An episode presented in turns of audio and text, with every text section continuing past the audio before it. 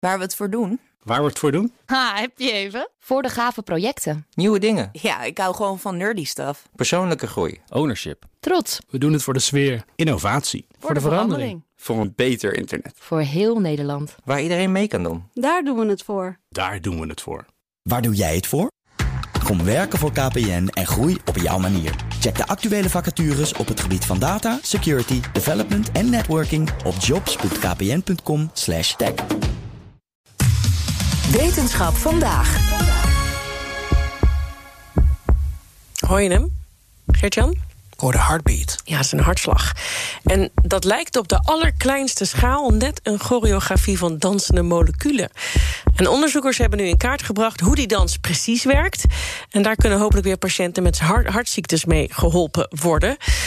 Carlijn Meinders, hoe ziet die dans eruit en wat gebeurt er nou precies in dat hart? Daarvoor duiken we even in de hartspier, om precies te zijn in de hartspiercellen. Daar zitten hele lange, dunne eiwitslierten die samen een hartslag kunnen maken. Met behulp van een elektrisch signaaltje trekken ze gezamenlijk samen en ontspannen ze weer.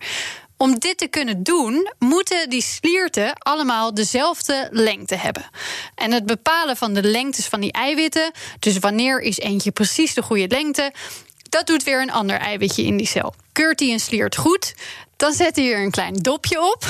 Maar dat eiwitje dat dit doet, maakt ook wel eens fouten. Als hij te vroeg een dopje erop zet, dus als het sliertje nog niet lang genoeg is, dan komt er een ander eiwitje aan en die duwt dat dopje er weer af. Oké, en onder de microscoop is dat net een soort uh, cha-cha-cha. Ja, zoiets. Uh, een dans van heen en weer bewegende eiwitten. Nou klinkt dat heel gezellig, maar als er fouten worden gemaakt en danspassen worden gemist, kan dat hele vervelende gevolgen hebben voor het hart. Nou heeft een onderzoeksteam van Washington State University voor het eerst laten zien dat dit mechanisme zo werkt. En dat is belangrijk, want als we weten hoe het werkt, dan kunnen we ook beter zien wat er mis kan zijn als het niet goed werkt.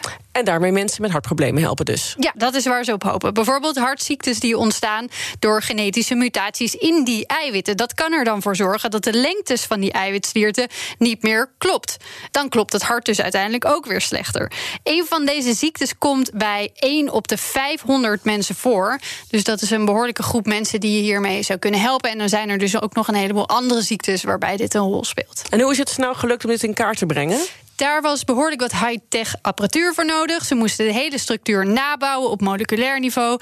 Daarna gebruikten ze NMR-scans, lijkt op MRI-scans, om te kijken wat er in zo'n cel nou allemaal gebeurt en hoe en waaraan de eiwitten zich binden. Dat werd allemaal weer in een computermodel gezet en daar kwam dit resultaat dus uit. En kan het ook nog interessant zijn voor andere onderzoeksgebieden? Nou, uh, het zegt iets over de werking van spierweefsel. Dus ik kan me heel goed voorstellen dat ze in de toekomst nog gaan kijken naar andere spieren in het lichaam. Maar voorlopig zijn ze nog wel even zoet met het verder uitpluizen van dit mechanisme. Jorda Carlijn Meinders. Ook Thomas van Zeil vind je in de BNR-app. Je kunt live naar mij luisteren in Zaken doen. De BNR-app met breaking news, het laatste zakelijke nieuws... en je vindt er alle BNR-podcasts, bijvoorbeeld Het Nieuwe Geld. Download nu de gratis BNR-app en blijf scherp.